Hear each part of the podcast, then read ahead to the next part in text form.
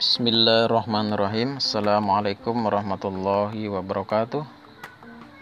Eh, Berjumpa kembali dalam pertemuan yang kedua mata pelajaran fikih untuk kelas 11 keagamaan. Pada pertemuan yang kedua ini kita masih membahas tentang eh, masalah jinayat ya Atau di situ berkaitan dengan tindak pidana kejahatan beserta sanksinya. Nah dalam eh, pembahasan ilmu fikih tindak pidana kejahatan serta sanksinya ini disebut dengan istilah jarimah atau ukubah. Jadi jarimah atau ukubah itu adalah eh, bahasan fikih yang berkaitan dengan tindak pidana kejahatan. Jarimah atau ukubah dibagi menjadi dua, yaitu jinayah atau jinayat dan juga hudud. Nah, jinayat kita bahas di bab pertama, kemudian hudud di bab kedua. Jadi yang namanya jinayat itu adalah tindak pidana kejahatan berupa pembunuhan dan penganiayaan. Nah, termasuk nanti kita juga bahas di bahasan jinayat ini berkaitan dengan sanksi, sanksi berupa kisas, diat dan kafarat. Nah, kita masuk ke pembunuhan. Apa itu pembunuhan? Nah, pembunuhan adalah perbuatan menghilangkan nyawa seseorang, baik secara sengaja ataupun tidak secara sengaja, baik kita menggunakan alat, benda ataupun tidak menggunakan alat. Nah, macam-macam pembunuhan itu ada tiga, yaitu pembunuhan sengaja, yang kedua adalah pembunuhan seperti sengaja dan pembunuhan tersalah. Pembunuhan sengaja itu artinya pembunuhan yang telah direncanakan oleh pelaku. Nah, ini sangat jelas sekali. Nah, itu maksudnya adalah pembunuhan berencana ya istilah kita. Nah, kalau yang yang kedua itu pembunuhan seperti sengaja itu artinya pembunuhan yang dilakukan tanpa niat untuk membunuh misalnya dia ingin menyakiti memukul saja tapi yang dipukul ini rupanya meninggal dunia maka ini adalah pembunuhan seperti sengaja yang ketiga adalah pembunuhan tersalah. Ini pembunuhan yang terjadi karena tiga kemungkinan. Pertama itu pembunuhan tanpa maksud melakukan kejahatan tapi mengakibatkan kematian seseorang. Ini contohnya adalah ah, misalnya A ini uh, bermaksud melempar uh, ini ya ingin melempar buah mangga menggunakan batu atau buah apa pun. Nah, tapi di situ e, batunya itu mengenai seseorang dan meninggal. Maka ini termasuk perbuatan tersalah. Yang kedua adalah perbuatan yang mempunyai niat membunuh, namun ternyata orang tersebut tidak boleh dibunuh uh, ini mungkin penjelasannya nanti. Nah, yang ketiga ini nah, perbuatan yang pelakunya tidak bermaksud jahat tetapi akibat kelalaiannya dapat menyebabkan kematian seseorang. Nah, itu ya jenis-jenis pembunuhan. Nah, Islam sendiri tentu sangat melarang ya yang namanya pembunuhan karena Islam itu menghormati dan melindungi hak hidup setiap manusia. Nah, ini bisa dilihat di dalam Quran surah Al-Isra ayat 33 yang artinya adalah dan janganlah kamu membunuh orang yang diharamkan Allah membunuhnya kecuali dengan suatu alasan yang benar. Dan barang siapa dibunuh secara jalim, maka sungguh kami telah memberi kekuasaan kepada walinya. Tetapi janganlah walinya itu melampaui batas dalam pembunuhan. Sesungguhnya dia adalah orang yang mendapat pertolongan. Ini larangan membunuh ya. Tentu hadis Nabi juga ada yang membahas tentang larangan membunuh. Lalu di sini apa hukuman bagi pelaku pembunuhan khususnya dalam nah, Islam? Nah di sini untuk pembunuhan secara sengaja ada tiga sanksi ya atau hukumannya itu berupa kisas. Kisas ini adalah hukuman setimpal bagi pelaku kejahatan. Nah jika dia membunuh maka hukumannya menurut pengadilan adalah juga dihukum mati. Nah, tetapi jika keluarga pembunuh yang terbunuh ini uh, memaafkan maka yang pelaku pembunuhan tadi dikenai denda denda berat. Nah istilahnya diat mugalodah yaitu membayar sejumlah harta bisa berupa uang ataupun yang lain. Ya jumlahnya ditentukan nanti. Nah jika tidak mampu juga uh, juga bisa menunaikan yang namanya kafarat ya atau denda jenis lain. Nah kalau untuk pembunuhan seperti sengaja itu nanti uh, hanya diterapkan hukuman diat mughalazah atau denda berat tadi. Nah, kalau untuk pembunuhan tersalah itu adalah diat mukhafafah, denda yang ringan dari hartanya. Nah, bagaimana dengan pelaku pembunuhan yang secara berkelompok atau lebih dari satu orang? Maka di sini menurut Islam itu sanksinya adalah dikisos, yaitu artinya mereka dihukum setimpal yaitu hukuman mati oleh pengadilan. Apa hikmah atau larangan dari uh, membunuh ini? Nah, di sini Islam sekali lagi sangat menekankan ya yang namanya keselamatan, kedamaian dan ketentraman hidup. Nah, Islam itu mendorong umatnya termasuk juga manusia untuk uh, tidak menyakiti manusia apalagi membunuh karena Islam sangat menghormati hak hidup. Nah, di sinilah hikmahnya mengapa kita dilarang untuk membunuh atau menyakiti orang lain. Itu tentang pembunuhan. Yang B itu penganiayaan. Nah, penganiayaan itu artinya adalah menyakiti sebagian anggota badan manusia. Penganiayaan namanya. Nah, tapi di sini itu juga termasuk namanya tindak kejahatan. Penganiayaan itu bisa melukai, bisa merusak ataupun menghilangkan anggota tubuh manusia. Nah, penganiayaan itu ada dua, ada penganiayaan berat dan penganiayaan ringan. Jika penganiayaan berat itu berarti anggota atau fungsi tubuh manusia ini e, hilang atau rusak atau tidak berfungsi dengan baik. Misalnya tangannya patah, atau cacat permanen. Kalau penganiayaan ringan itu adalah tidak sampai merusak atau menimbulkan cacat yang permanen. Nah, tentu di sini juga ada larangannya untuk kita e, manusia, khusus lagi umat Islam, larangan dari e, menganiaya orang lain. Ini pada surah Al-Maidah ayat 45. Kita ke bagian C yaitu kisas. Nah, tadi kisas ya terkait e, pelaku atau perbuatan pembunuhan. Kisas itu artinya adalah uh, hukuman balasan yang seimbang, yang setimpal bagi pelaku pembunuhan atau bagi pelaku penganiayaan. Nah, yang dilakukan dengan sengaja. Tentu di sini adalah dengan sengaja ya, pembunuhan sengaja ataupun penganiayaan dengan sengaja. Nah, macam-macam kisah itu ada dua, ada kisah pembunuhan. Nah, ini adalah kisas yang diterapkan bagi pelaku pembunuhan. Artinya dia dihukum mati oleh uh, pengadilannya atau oleh pemerintah. Nah, yang B, jenis kisas itu adalah kisas anggota badan.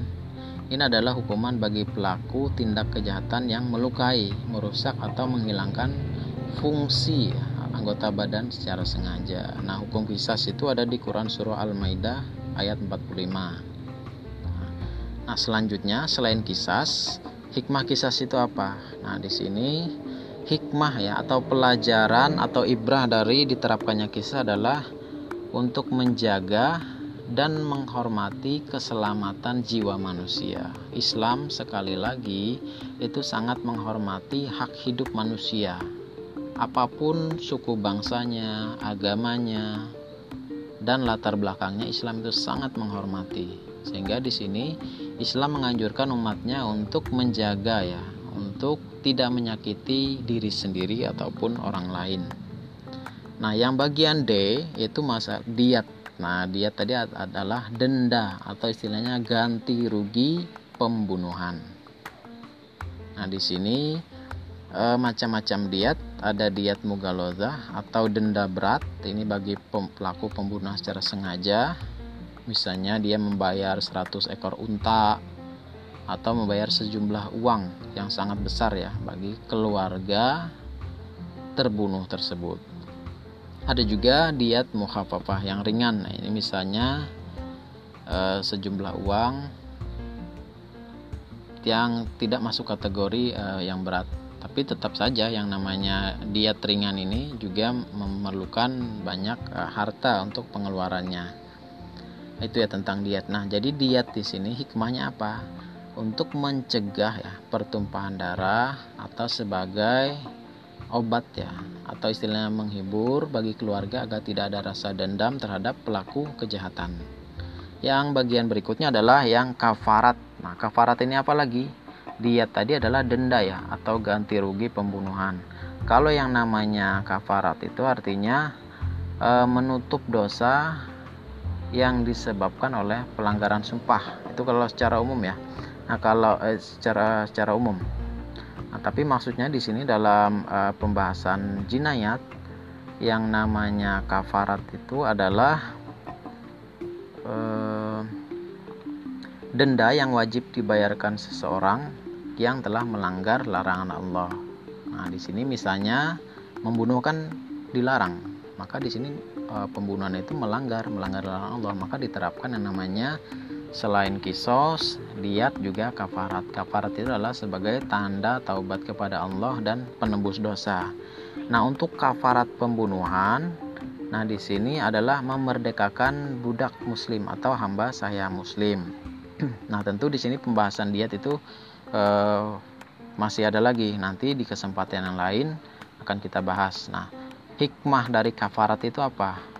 Nah, kafarat itu adalah agar manusia ini eh, benar-benar menyesali perbuatan yang keliru dan tidak mengulanginya. Yang kedua adalah eh, menuntun manusia agar bertaubat. Yang ketiga, untuk uh, menstabilkan mental manusia. Nah, itu tadi penjelasannya. Nah, sebagai rangkuman yang bisa Bapak sampaikan di sini, jinayat itu adalah tindak pidana kejahatan, pembunuhan, dan penganiayaan serta sanksi hukumannya seperti kisas, diat, dan kafarat. Jadi yang namanya kisos atau kisas, diat, dan kafarat itu adalah sanksi ya hukumannya sanksi atau efek hukum yang diberikan bagi uh, tindak pidana pembunuhan dan penganiayaan. Nah, pembunuhan ada tiga, ada pembunuhan sengaja, pembunuhan seperti sengaja, dan pembunuhan tersalah. E, kemudian kisah sini adalah hukuman balasan ya, yang seimbang, yang setimpal bagi pelaku pembunuhan maupun penganiayaan yang dilakukan secara sengaja. Nah kemudian uh, diat ini adalah denda ya atau ganti rugi berupa sejumlah harta yang wajib diberikan kepada pihak terbunuh atau teraniaya. Nah, kemudian kafarat uh, pembunuh. Kafarat itu artinya adalah denda karena denda yang wajib dibayarkan karena melanggar larangan Allah. Maksudnya di sini misalnya dengan bertaubat yaitu dengan memerdekakan hamba saya muslim. Nah, itu. Nah, sekarang kita ke pertanyaan dari siswa-siswi. Yang pertama, ini dari Tania, hukuman merampok harta tanpa membunuh. Nah, ini merampok ya. Ini nanti di bahasan bagian hudud di bab kedua. Kemudian dari Ahmad Zaini yaitu menanyakan diat, diat eh jinayat. Nah, jinayat itu apa? Jinayat adalah tindak pidana kejahatan berupa pembunuhan dan penganiayaan serta hukumannya termasuk sanksi hukumannya adalah kisas, uh, diat dan kafarat. Kemudian dari Husnul Amalia, siapa yang pertama mendapat hukum jinayah? Nah, kita ya tentu di sini ada pelaku kejahatan. Kita tidak tahu siapa orangnya, tapi yang pasti siapa pun yang uh, melakukan tindak pidana kejahatan uh, dalam hukum Islam itu dihukum. Nah, tentu pelaksanakan hukum hukuman Islam seperti ini ya jinayat, hudud dan lain sebagainya itu adalah biasanya berlaku di negara-negara Muslim, misalnya di Arab Saudi ataupun di negara lain. Kalau di di Indonesia biasanya eh, karena Indonesia ini tidak menerapkan hukum Islam, nah disebut istilahnya hukum positif, maka di situ eh, ada hukumannya, misalnya ada penjara ataupun yang lain. Kemudian pertanyaan Revi, Muslim membunuh kafir, apakah kisas? Nah tentu di sini harus dijelaskan membunuhnya seperti apa. Kalau membunuh secara sengaja ya kisas, walaupun itu orang kafir. Kalau di sini eh, pembunuhannya dalam perang, nah tentu di sini tidak berlaku yang namanya kisas. Tapi sekarang kan perang itu eh, kondisinya berbeda jauh dengan di masa dulu atau masa-masa awal Islam pelaku bunuh diri. Ini apakah diterapkan kisah? Ya ini secara umum uh, ya berdosa karena dia uh, istilahnya melanggar ya hak hidup yang Allah berikan. Walaupun bunuh diri ya di sini ya tetap yang namanya berdosa atau haram. Nah, walaupun di sini uh, tidak termasuk ya bahasan jinayat yang namanya bunuh diri tapi jinayat itu biasanya berlaku berkaitan dengan uh, orang lain. Kalau bunuh diri ini berkaitan dengan diri sendiri Uh, kemudian dari Rahul, pancung itu termasuk jinayah. Akan itu menganiaya. Maksudnya seperti ini. Apakah hukuman pancung atau istilahnya hukuman mati itu termasuk jinayah? apakah uh, seperti ini ya Bapak perjelas lagi dari pertanyaan Rahul ini apakah hukuman pancung itu termasuk menganiaya nah, maksudnya seperti itu ya uh, uh, bukan tidak menganiaya menganiaya itu kita um, menyakiti orang lain ta, uh, dengan tujuan untuk uh, melukainya yang namanya hukum pancung khususnya di negara-negara muslim itu adalah sebenarnya adalah penerapan hukum Islam Nah, untuk pelaku kejahatan, untuk pelaku pembunuhan secara sengaja. Kemudian dari Siti Yuliano Rahmah, sejak kapan tindak kejahatan dilarang dalam Islam? Yaitu ketika Islam turun itu Islam sudah melarang ya yang namanya tindak kejahatan, pidana kejahatan. Islam itu menawarkan kedamaian. Nah, kenapa di Indonesia tidak berlaku hukum kisas atau hukuman e, balasan ya bagi pelaku kejahatan? khususnya pembunuhan karena di Indonesia ini tidak menerapkan hukum Islam nah di situ misalnya pembunuhan ada yang dipenjara ada juga yang dihukum mati nanti dilihat oleh pengadilan apakah kisah melanggar HAM atau hak asasi manusia ini dari Nelly nah kisah itu kalau dia berlakunya di negara di negara yang menerapkan hukum Islam itu adalah merupakan uh, sanksi bagi pelaku pembunuhan ini tidak melanggar hukum HAM bagi negara yang melaksanakan. Bapak tidak tahu bagi negara lain apakah itu melanggar HAM, tapi dalam pandangan Islam, kisah ini ada aturannya, ada dasar di dalam Al-Quran. Nah, itu yang bisa Bapak sampaikan ya untuk hari ini. Nah, jika ada salah, mohon maaf. Karena juga uh, kita bisa bertanya nanti kepada ahlinya. Demikian. Assalamualaikum warahmatullahi wabarakatuh.